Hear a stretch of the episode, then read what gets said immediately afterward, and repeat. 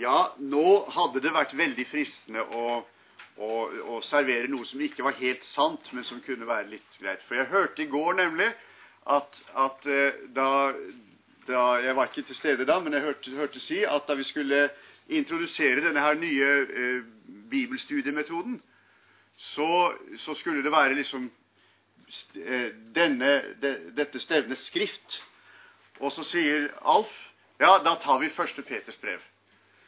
Og slå opp, slå opp, der. Og så hadde alle så hadde alle slått opp ja, nå skal du få høre, så hadde alle slått opp første Peters brev, og så ble det første Peters brev. Og da kunne jeg sagt ja, ja, siden nå Alf sa første Peters brev i går, så får vi ta første Peters brev i dag, da. Men det er altså ikke sånn. Men derimot er det slik, og det tror jeg nok noen av dere har opplevd, at det der at man er så helt sikker på at man vet hva dette skal være, så man bare gyver løs. Og sånn var det med meg. Jeg hadde det helt klart for meg at jeg skulle holde bibeltime over første Peters brev. Så jeg så ikke programmet. Jeg bare gikk løs på første Peters brev, sånn som jeg sa. Og leste og arbeidet og mediterte og noterte. Og så i, i, går var det vel, eller kanskje det var i forgårs, så kom jeg til å se programmet. Og der sto det da annet Peters brev. Så, kjære venner, dere får bibeltimer fra første Peters brev. Og det er ikke Alf sin skyld. Selv om det hadde vært veldig, veldig eh, fristende å gi han skylda. um, vi har bedt sammen, og, um, og, la oss nå stille det følgende også inn under den bønnen og under Guds velsignelse i Jesu navn. Amen. Fra første Peters brev. Jeg har valgt ut noen temaer som jeg syns uh, øh, både som jeg ser er viktige i brevet, og som jeg også tenker er aktuelle for oss. Eh, og eh, jeg har tenkt å begynne eh, på noe helt moderne som ikke står i brevet, for å introdusere temaene. Det er dette her med CV-er. Jeg lurer på hvor mange det er i denne forsamlingen som har lagt ut CV-en sin på nettet. Det var iallfall eh, en, en, eh, en periode hvor man drev og gjorde det. Eh, en kamerat av meg, en, en, en prest og teolog, han, han, la, han la, ut CV-en sin, så jeg en gang, og jeg var mektig imponert over alt som sto der. CV, hva er det? Jo, det er denne, denne listen, denne framstillingen av, av man, hvordan ens liv har forløpt, hva man har gjort hva man eventuelt har eh, studert eller forfattet eller arbeidet som eller med, og, og, og, alle disse tingene som på en måte hører med i en framstilling av, av hvordan livet har gått sin gang. Det heter vel eh, curriculum vitae eller noe sånt. Her nikkes av blant latinerne. Det er bra. Men det er iallfall sånn at at eh, særlig en periode for noen år siden så var det den store greia å legge ut CV-en sin på nettet. Og folk som vil ha jobb, eh, de må iallfall skrive ned hva de har gjort og, og vært og, og, sånt. Eh, og de som vil fortelle da hvem de er, de gjør også det. Jeg, jeg var litt forbauset, jeg. da, altså Før i tiden så De eneste jeg visste som drev med sånn curriculum vitae, det var biskopene når de skulle innsettes som biskoper, så, så leste de opp da hvordan, eh, hvordan dette livet hadde forløpt. Men noen andre CV-er visste ikke jeg om eh, for min del. Um, men nå er det allemannseie. Og så er det om å gjøre da, at CV-en ser fin ut. Iallfall i USA, hvor alt er stort og galt og fint og flott. Eh, og, og kanskje også ellers kan du leie inn folk som kan frisere litt på CV-en din sånn at den, blir, at den ser fin ut, at, den, at, den, at, du blir presentert som et, et veldig, veldig attraktivt eller uh, viktig menneske. Uh, men så er det jo sånn da, at selv om du nå har jobb, og selv om du slett ikke har tenkt å bli biskop og skal le lese opp dette her i innsettelsesgudstjenesten, så, så vil folk vite hvem du er. Og det var vel sånn den ble brukt da Eh, eh, da dette her kom med å legge ut CV-en sin. At det var en måte å presentere seg på og fortelle andre hvem du er. Og det vil vi jo. Ja, vi har blitt litt mer kritisk med hva vi legger ut på nettet av personopplysninger og sånt. Det skal man være litt forsiktig med. Det er noen som samler på det for, til senere bruk, og de har tenkt å tjene penger på det. Så det er klokt å være litt forsiktig der. Men ellers så, jo, så vil vi nå gjerne fortelle hvem vi er. Og vi vil gjerne vite hvem det er vi møter, hvem det er vi er sammen med. Det er jo det vi spør. Hvor kommer du fra, da? Hva driver du med når du ikke er på stevne og har sommerferie og sånn? Og, og, og hva er du interessert i? Og, og så forteller vi gjerne om vårt.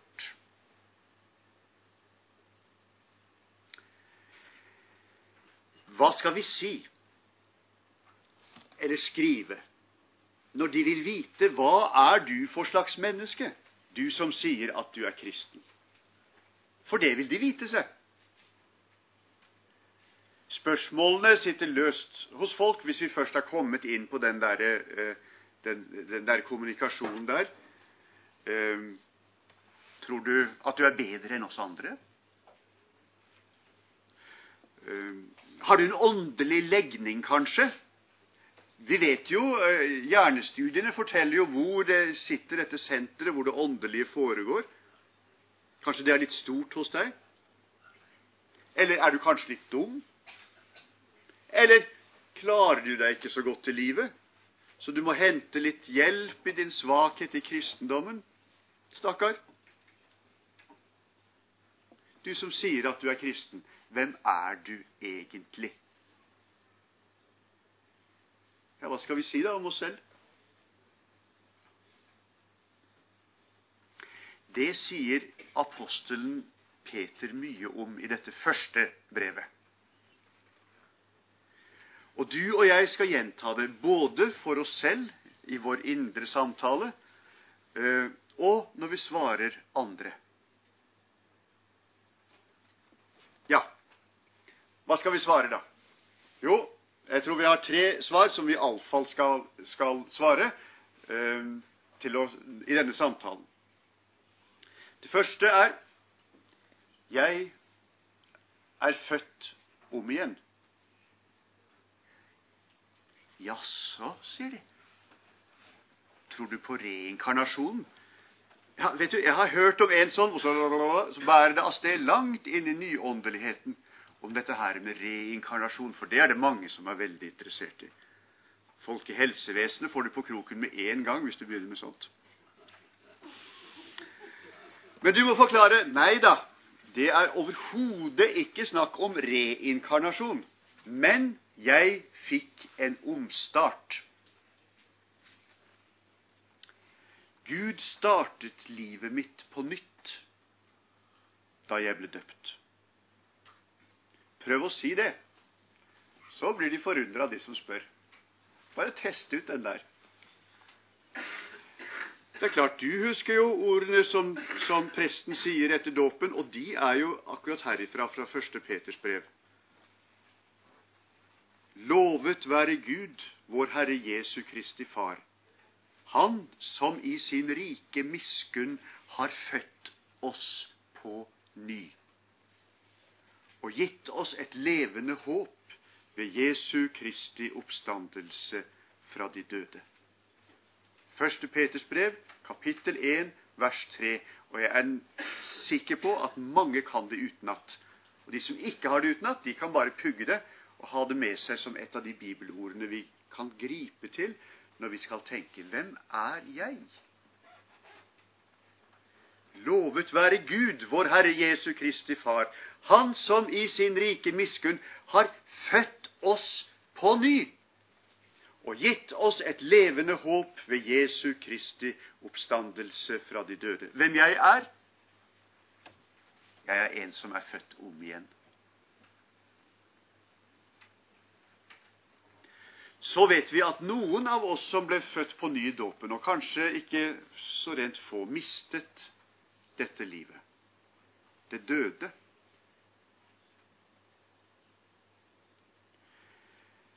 Det druknet i vantro. Det ble borte pga. mangel på næring. Og så har noen av dere også opplevd at Gud var så god så barmhjertig at han at han lot dere begynne enda en gang. At han på noen måte fikk tak i dere med ordet sitt, slik at troen ble vekket til live, og du fikk vende tilbake til ham og til den nåde som han ga i dåpen. Og Kanskje noen hører meg Det blir jo tatt opptak her også. Kanskje noen hører meg og vet at de ikke eier livet. At troen på Jesus er blitt borte. Da er det en mulighet å høre, slik at Gud gir deg troens gave og lar deg vende tilbake. Bare lytt til ordet fra Gud. Men ikke alle har det slik. Jeg har fått leve med Gud hele livet. Og jeg kan si at jeg ble født på ny. Det skjedde den 29. juli 1951. Og jeg vet nøyaktig hvor det er. Det er i Karasjok gamle kirke. Der står det en liten døpefont med et kobberfat i. Og der kommer jeg tilbake av og til og takker Gud. Så altså, Gud presenterer deg og sier 'Jeg er født på ny'. Og det andre du sier, det er 'Jeg er en åndelig tempelprest'. Og da tenker jeg det er noen som får bakoversveis. Er du helt gæren? Også du, da? ja, den dama der, åndelig tempelprest. Men det kan vi forklare litt nærmere, det også.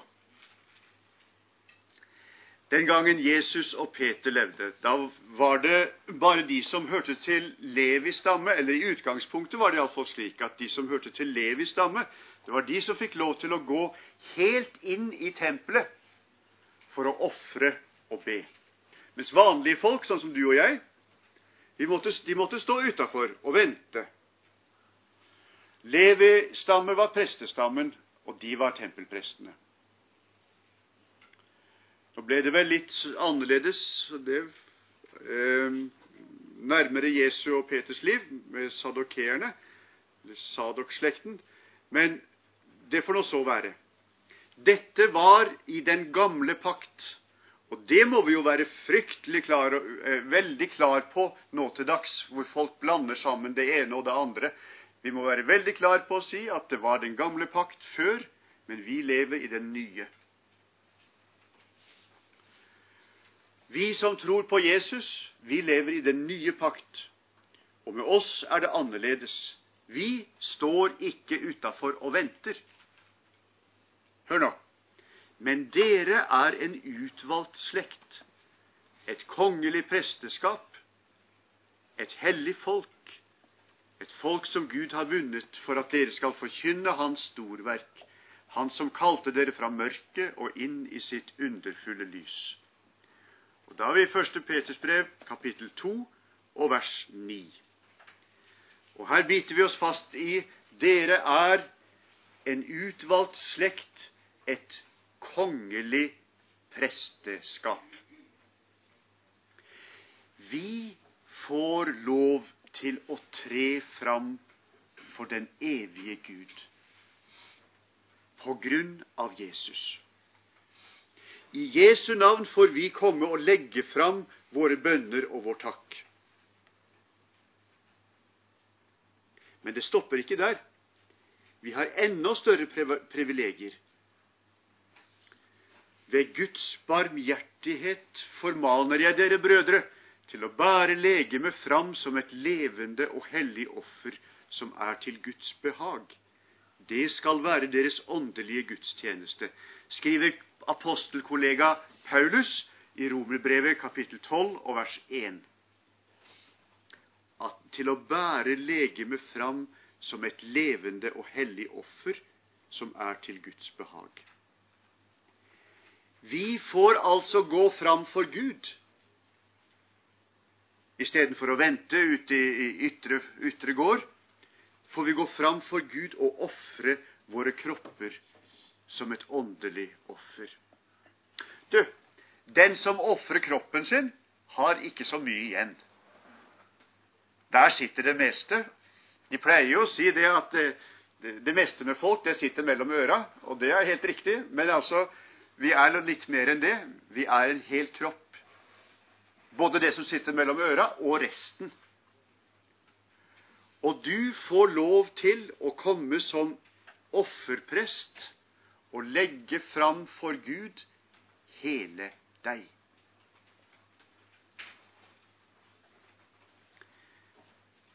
For det derre med å ofre kroppen Du vet, kroppen din, den holder du på i det lengste. Det er liksom selve deg. Du kan godt gi vekk andre ting, men deg selv holder du på. Når du har ofra kroppen din, så har du lagt hele livet ditt i Guds hender. Alt du er og har. Så får vi altså ofre både vår takk og vår lovsang og vår hengivenhet og til og med selve kroppen.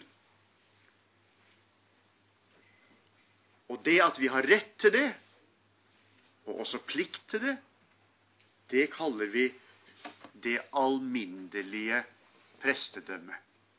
Alminnelig, det betyr altså det som er for alle. Alles prestedømme. Alles prestestand, eller prestestatus. Men det er vanlig å si i kristelige kretser, med litt sånn gammeldags formulering, det alminnelige prestedømmet. Alle troende er åndelige tempelprester. Du også.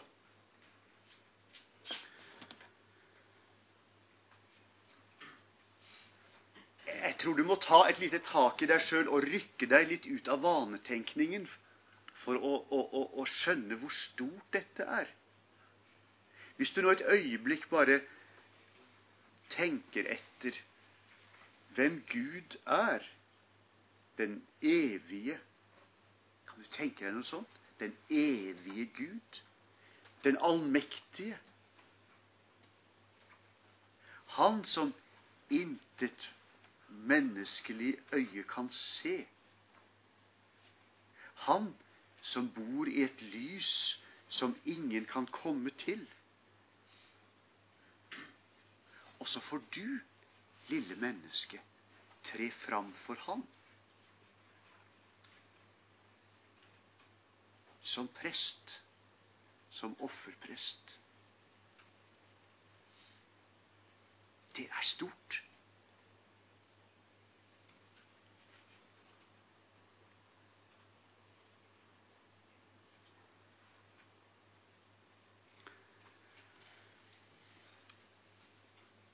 Ja ja, prest og prest, fru Blom. Åssen er dette her med prester? Vi må si litt om det. Tempelprester, har vi sagt. Tempelprester, det er ikke det samme som, som våre prester i, den, i kristen, den kristne kirke. Dere vet jo at Det nye testamentet er skrevet på gresk. Og på gresk er det faktisk to forskjellige ord ute og går her når vi sier prest. Eh, tempelpresten heter hierevs. Ingen arresterer meg, det, dette er riktig. Tempelpresten heter hierevs. Og han finner du i hedenske templer. Eh, Jerusalems tempel. Og Her var det det sto dette, ja. Fram til 622 før Kristus var det av av, av Levis stamme, disse prestene. Jeg slo opp i leksikon. Det er også en ting jeg gjør når jeg lager bibeltimer. Jeg slo opp i det store greske leksikonet mitt og kikka og leste. Det var artig. Men så kom altså Josias og endret litt på, på, på Israels institusjoner og på, på, tempeltjenesten. Vi kaller det for kultreformen. Og etter det så var det folk av Sadok-ætten som, som, som, var hieroi, altså hierevser det ordet der. Men den kristne kirkes prester, derimot, de har røttene sine blant dem som Det nye testamentet kaller for presbyteros, eller presbyteroi i flertall. Og det betyr eldste. Gamling. Eh, men det er altså ikke bare alder det dreier seg om, men det dreier seg om noen som har den derre eh, lederposisjonen som ofte eh, eldre menn, særlig i det samfunnet, men ofte ellers også har eller får etter hvert som tiden går. Um, I den kristne menighet var det presbyteroi. Og nå hører du at press, og så kommer det en T, og da får du prest, presbyteroi. Så det er litt forkortelse for presbyteroi, prest. Og Sånn som vår bekjennelse beskriver dette, så sier de at det er en tjeneste med å lære evangeliet og forvalte sakramentene, for at alle vi skal komme til tro og bli salige. Så det er altså ingenting med offertjeneste, for det er alles. Å tre fram for Gud på egne vegne er alles rett og plikt. Men noen av oss skal være presbyteroi, eldste eller prest. Og Da skjønner vi jo lett at når det på norsk er ett norsk ord, og det under der ligger to forskjellige ting, så blir det lett litt tulliball. Så kanskje må vi av og til rydde opp litt i dette her med det allmenne prestedømmet. Sånn at vi holder fast ved at alle har det, uten unntak, av den som er døpt og tror på Jesus men at vi og vår menighet har en tjeneste med ord og sakrament som har navn etter og har røtter hos de gamle presbyteroi. Så altså For det første jeg er født på nytt. Jeg har fått en omstart. For det andre jeg er en åndelig tempelprest. Ja, Nå må det vel holde, hva? Med sånn, sånn, presentasjon så har folk fått så, så, det, så, så ørene flagrer. Men nei, det er én ting til. Nemlig jeg tilhører et hellig folk. Ja, prøv å dra den, du. Når de begynner å interessere seg for deg som er religiøs, eller, eller de spør ja, du er vel sånn, sånn helt bokstavtro kristen, du, sier de. Ja, sier du. Jeg tilhører et hellig folk. Ha! Har du hørt noe så selvgodt? Ja, Det var det vi visste om disse der kristne. De tror altså at de er noe helt spesielt. Hellige. Tror du at du rager over alle andre, du, da? Du som er så hellig. Så blir noen kanskje sinna, og så sier de da skinnhellig. Det er det dere er. Skinnhellige. Vi vet det nok.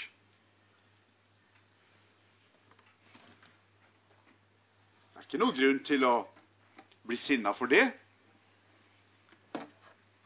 Det fins nå faktisk en måte å være på som vi bare må kalle for skinnhellig. Men det er ikke noe interessant, det. det alle vet jo at det er juks og bedrag. Både de som de vi snakker med, og vi sjøl. Og det er bare å si at vel, det fins. Men vi er ekte hellige. Og Da må vi til igjen å avskjære misforståelser. Og det er jo noe av det som er krevende når vi skal snakke med dem som er fremmed for troen. Og kanskje noen ganger krevende når vi skal tenke om oss sjøl også. Vi må avskjære misforståelsene. For når vi hører ordet hellig, så går tankene våre veldig raskt til, til ja, det vi kaller etikken. Altså det der med å alltid gjøre det rette, og alltid gjøre de gode tingene. Og Det har noe med det å gjøre, jo da, jo da, men det er liksom feil ende å starte i. Hvis du, skal, hvis du skal forklare folk hva det betyr at du er en hellig, en som hører til det hellige folket. Så vi starter altså i den andre enden. Vi starter med Gud. Gud er den hellige.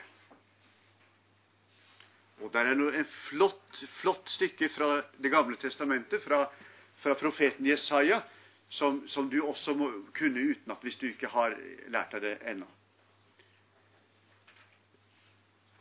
Jesaja er i tempelet, og der ser han et syn. Og så forteller han Serafene ropte til hverandre. Hellig, hellig, hellig er Herren Sebaot. All jorden er full av Hans herlighet. Forresten, det kan du, for du hører jo hvor det, hvor det kommer fra. Det, det, er jo det som vi synger i, når vi har nattverd. Hellig, hellig, hellig er Herren Sebaot. All jorden er full av Hans herlighet. Og så er jeg veldig glad i noe som står om Guds hellighet i Hosea 11,9. Der sier Gud, jeg vil ikke følge min brennende vrede, vil ikke legge Efraim øde igjen, for jeg er Gud og ikke et menneske, hellig midt iblant dere. Jeg kommer ikke med harme. Så der i Jesaja 6,3 og Hosea 11,9 har vi gode fester for at Gud er hellig. Og det betyr at Gud er helt annerledes. Helt annerledes enn noen. Ingen kan sammenlignes med Gud.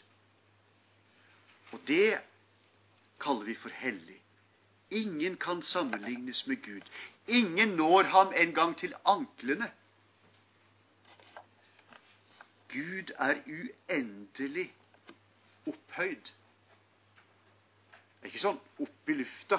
Det er ikke sånn som Gagarin var ute på, på romferd og sa nei, han fant ingen Gud her der, ute i rommet, så Gud kunne, måtte bare være et eventyr. Det er ikke sånn vi mener.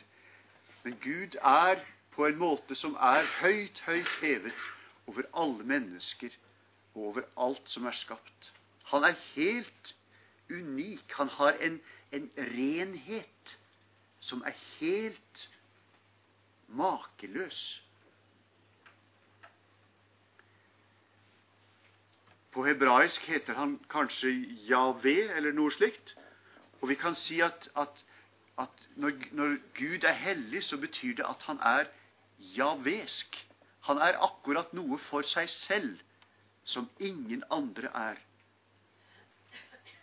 Og denne ubegripelig rene, opphøyde, annerledes, store Gud, han hører vi til. Sånn at når Han er hellig, så skal vi også være på samme måten som Han. Vi skal altså ha noe av Hans storhet, Hans glans, Hans annerledes måte å være på, Hans helt spesielle liv og vesen. Vi skal ha samme skal vi kalle det bonitet, som han.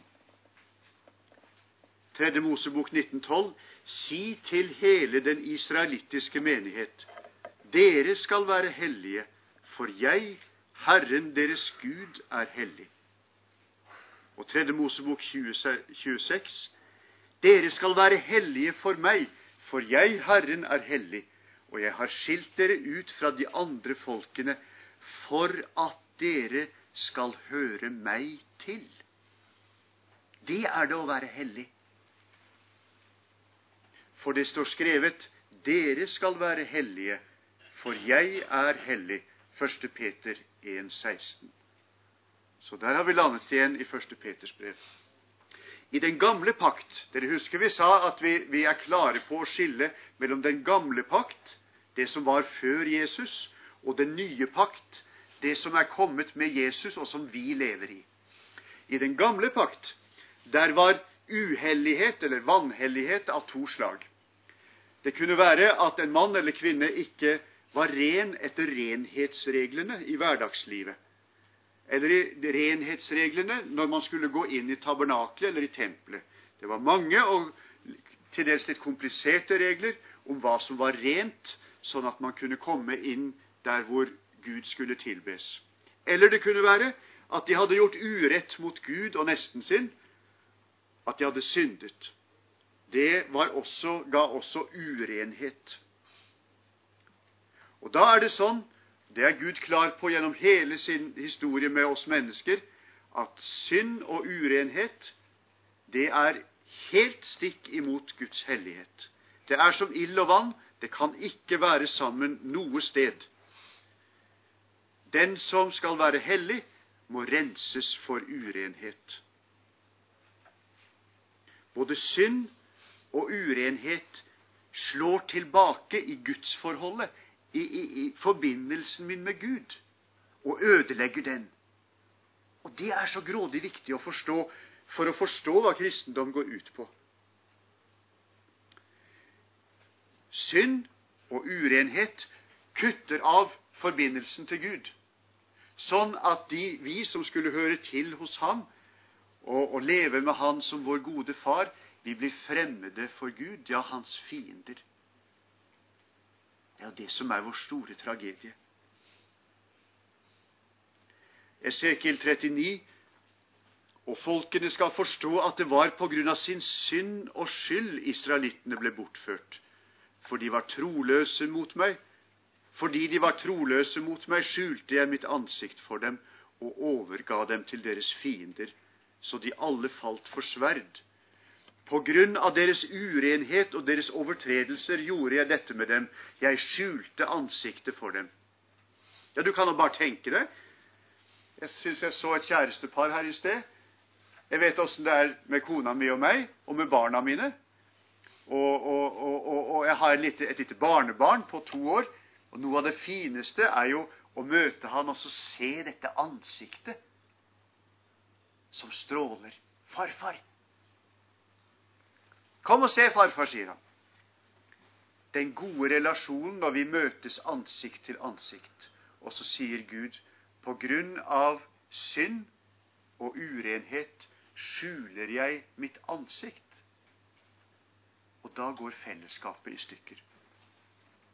For dere skal vite at ingen som driver hor, lever i urenhet eller er grådig, skal arve Kristi og Guds rike. Dette er jo avgudsdyrkelse. Så, altså Urenhet og synd ødelegger gudsforholdet. Hvordan kan vi da bli hellige? Og Det er jo det de lurer på. Åssen kan vi si at vi er så hellige? For de ser jo godt hva vi gjør, og åssen vi er. Det nytter ikke å skjule det. Jo, det er offeret som gjør oss hellige. Det leser vi om den gamle pakt. Noe av blodet på alteret og noe av salvingsoljen skal du stenke på Aron og klærne hans, og likeså på hans sønner og klærne deres. Da blir han hellig og klærne med, likeså sønnene og deres klær. Så offeret gjør hellig. Og fra Det nye testamentet, fra den nye pakt, i kraft av denne viljen er vi blitt helliget ved at Jesu Kristi kropp ble båret fram som offer en gang for alle. Hebreerne 10.10. 10. Vi blir hellige fordi Jesu Kristi kropp er ofret for oss. Det er sånn vi kan forklare at vi er hellige. Ikke det at vi er så kjempegode på å være rettferdige og snille og oppofrende, men at vi vet og tror at det offeret som renser oss fra urenhet og synd, allerede er båret fram for oss, slik at vi blir rene og hellige gjennom det. Mine kjære, når vi har disse løftene, så la oss rense oss for all urenhet på kropp og sjel og fullføre vår helliggjørelse i ærefrykt for Gud. Dypest sett er det å fullføre sin helliggjørelse alltid å leve med Kristi offer i våre liv. Alltid å ha Kristi offer som vår renhet, som vår hellighet. For du og jeg tilhører et hellig folk. Et hellig folk er et folk som Gud har renset for syndene gjennom det rette offer. Et hellig folk var urent før. Men når Gud renser oss med Jesu blod, så blir vi ufortjent rene. Og det må vi få sagt, så det ordentlig står fast på vår CV. Er, vi er ufortjent rene. Dette er noe vi har fått. Det er ikke sånn at vi tror vi er like flinke og snille som mor Teresa. Da tror folk at, hellig, at, at man er hellig. Hvis man bare kunne være sånn som henne, men det er vi jo ikke. tenker de, Og så blir de fryktelig forskrekket når noen har gravd fram at mor Teresa var, var, hun var sint eller var kvass eller hva hun nå var for noe. Et eller annet. Og så tenker de nå ryker hele, hele mor Teresas hellighet. Men vi vet bedre. Det er annerledes hos Gud. Hos Gud er de hellige som er renset i Jesu blod. Det blodet han ofret da han ga livet sitt for oss.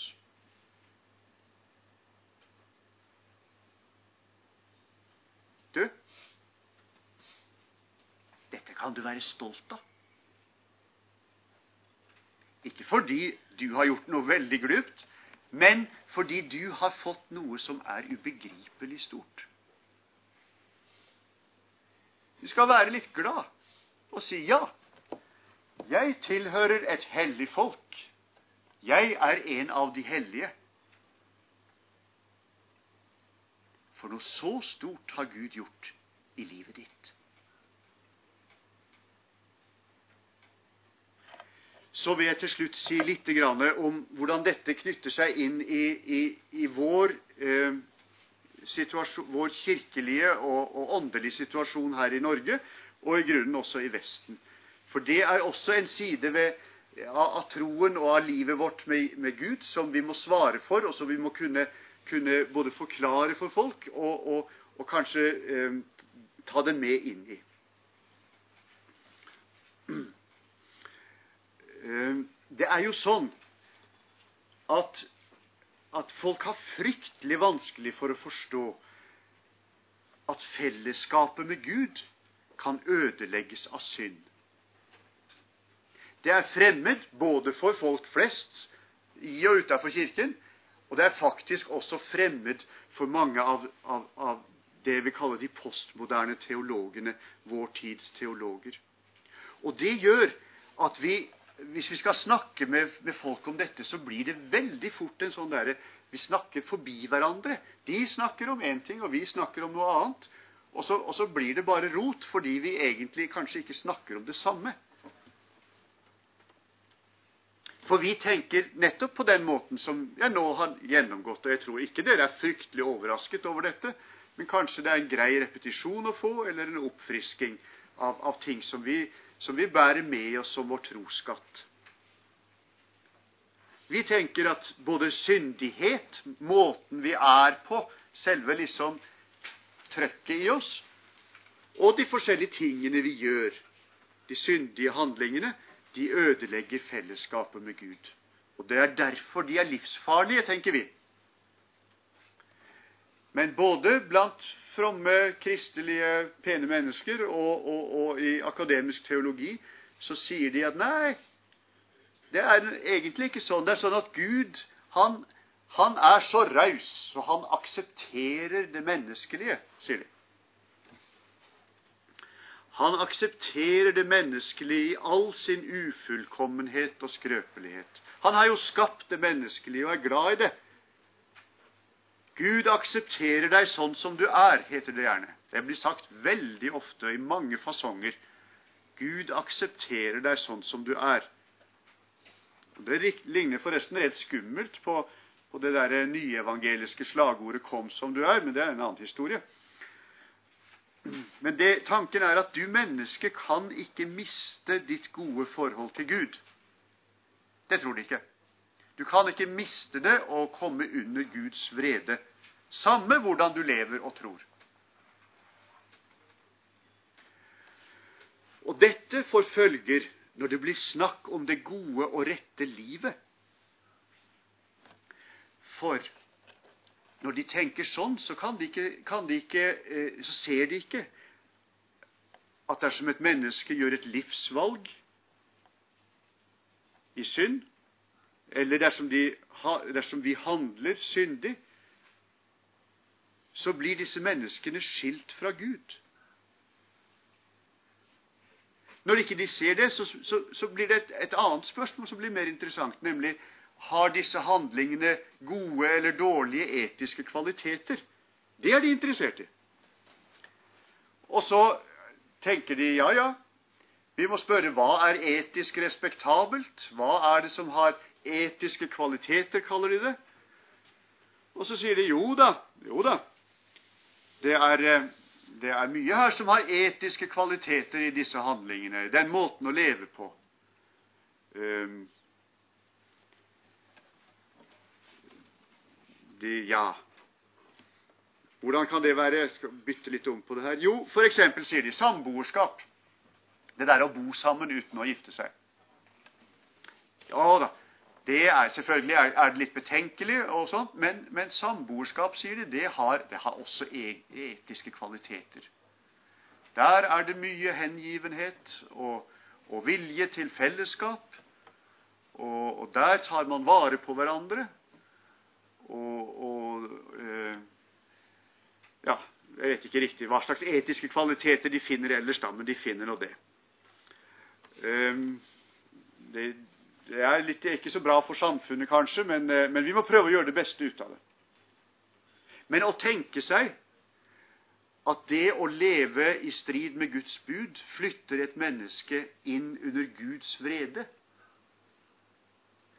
at, at, det faktisk er sånn at når du innretter deg i strid med det Gud har sagt, så lar Gud sløret eh, senke seg og bryter forbindelsen. Det kan de ikke tenke seg.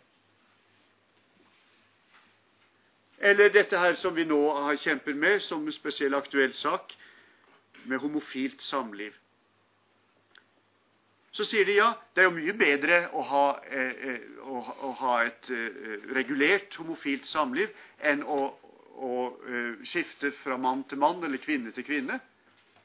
Så det å være trofast over tid, det er en etisk kvalitet. Og det må vi, det må vi være glad for. Og det vil jo vi også si. Ja da, det er bra, det. Det er mye, mye bedre at man holder seg til én, enn at man står i med mange. Det kan alle skjønne, av helsemessige og psykologiske og, og, og, og, for så vidt av andre også menneskelige grunner. Så det er etiske kvaliteter der. Jo da, men det er ikke det som er poenget. Poenget er at den som innretter sitt liv i strid med Guds eh, klare bud, kommer under Guds vrede og mister den gode forbindelsen, fellesskapet med Gud. Og det er dødsens alvorlig. Men det skjønner de ikke. Og så blir de sinna på oss som ikke er villige til å se dette her, disse etiske kvalitetene og anerkjenne det, og si at ja, ja, jo, jo, det, det er bedre enn det kunne vært. For det kunne vært mye verre. Og vi må være glad for det gode som skjer, og, og, og, det, det, som oppleves av positivt, og, og som betyr noe for mennesker. Så vi har to forskjellige målestokker, eller kanskje to forskjellige linjer å tenke langs. Fordi vi holder fast på hvordan et menneske i det hele tatt kan ha med Gud å gjøre. Og hvordan et menneske kan miste forbindelsen med Gud. Vi kan miste forbindelsen når vi lever i synd. Men vi kan gjenopprette forbindelsen og leve i den, i det gode fellesskapet, når vi tar all, alle våre synder og all vår syndighet og legger den fram for Gud, så han kan rense den med Jesu blod, med Jesu offer. Det er det som banker i våre hjerter, både for oss selv og for dem som vi vil kalle til et hellig liv. Og da mener vi hellig sånn som vi har snakka om det til nå. Et liv i fellesskap med den hellige Gud.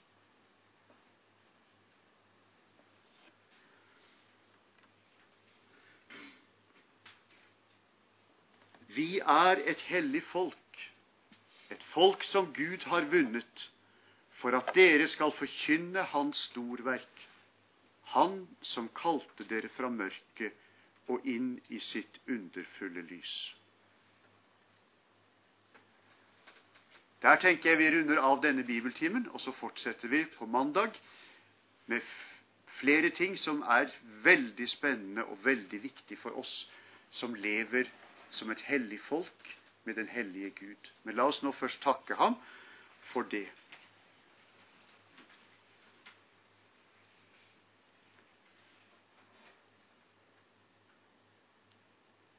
Du ubegripelige, store, evige, allmektige Gud. Du som bor i et lys som ingen kan tåle å se. Du som er så opphøyet at ingen kan finne en vei fram til deg.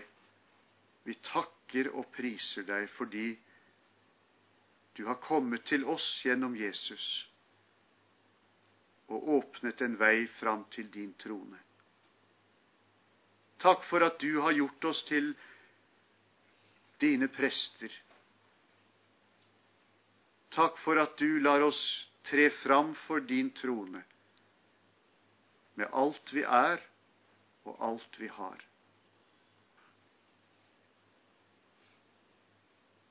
Gode Gud, vi kommer til deg og legger oss selv og våre liv framfor deg.